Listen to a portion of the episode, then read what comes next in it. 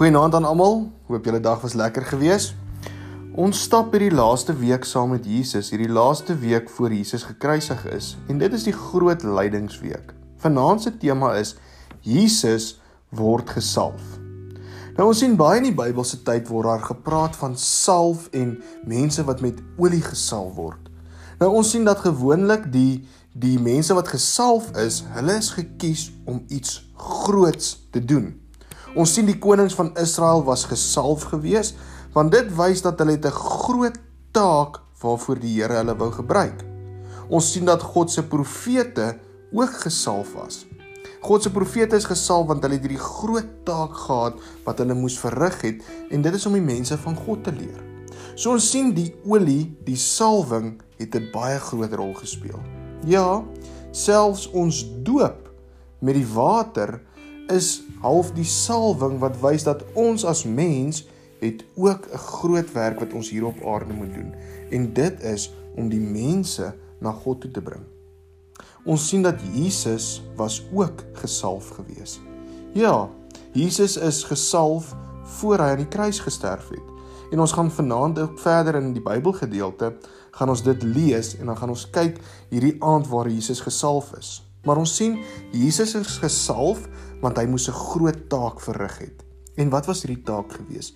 Jesus het aan die kruis gesterf vir elkeen van ons se sondes. Ja, Jesus het aan die kruis gehang, hy het gesterf en so het ons sonde saam met hom gesterf.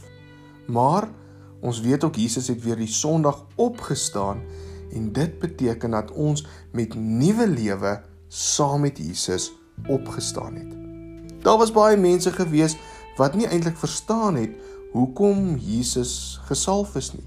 Daar's baie mense wat nie verstaan het hoekom Jesus juis aarde toe gekom het nie. Soos ons gisterand gehoor het, hulle het hierdie groot koning gesoek wat almal wat hulle moes kom verlos het. Maar hier sien ons Jesus is gesalf. Hy is gekies deur God vir 'n groot taak. Hy het gekom om vrede te bring en nuwe lewe.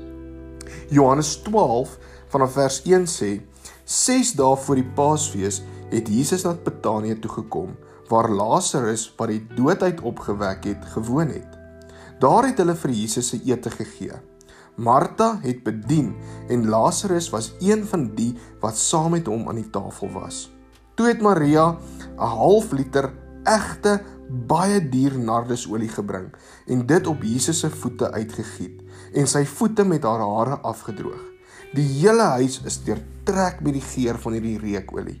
Judas Iskariot een van sy disippels en die een wat hom sou verraai het, sê toe: "Waarom is hierdie reukolie nie vir 300 silwer muntstukke verkoop en die geld vir die armes gegee nie?"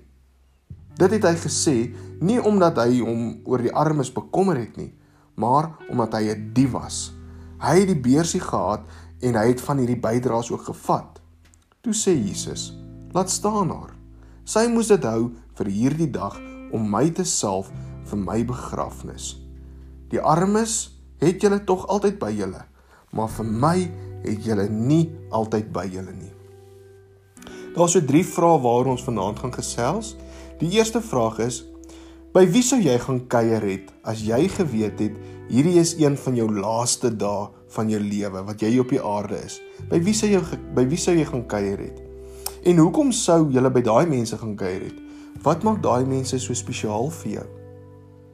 Die tweede vraag is: Wat sou julle gedoen het as Jesus een aand by julle kom eet het?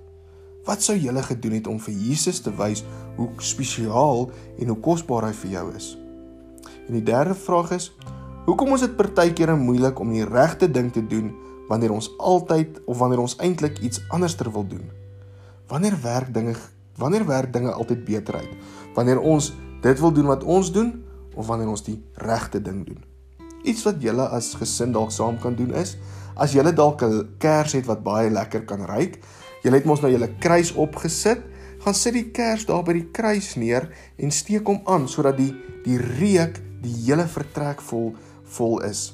En dit laat ons dink aan aan daardie reukolie waarmee Jesus gesalf het. Waarmee Jesus gesalf is. 'n Ander ding wat jy kan doen is jy kan dalk sommer so in 'n klein botteltjie of in 'n pieringkie kan jy olie ook daar by die kruis neersit. En daai olie herinner ons aan ons doop. Daai olie herinner ons aan aan dit wat ons moet doen. Dat ons het ook 'n groot taak wat God wil hê ons moet doen en dit is om mense meer van hom te leer en om mense nader aan hom te bring. Julle kry ook geleentheid om saam te bid, maar kom ons maak ons oop toe. Here, dankie dat U vir Jesus aarde toe gestuur het.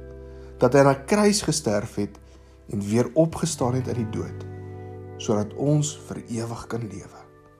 Amen. Mooi aand vir elkeen van julle verder.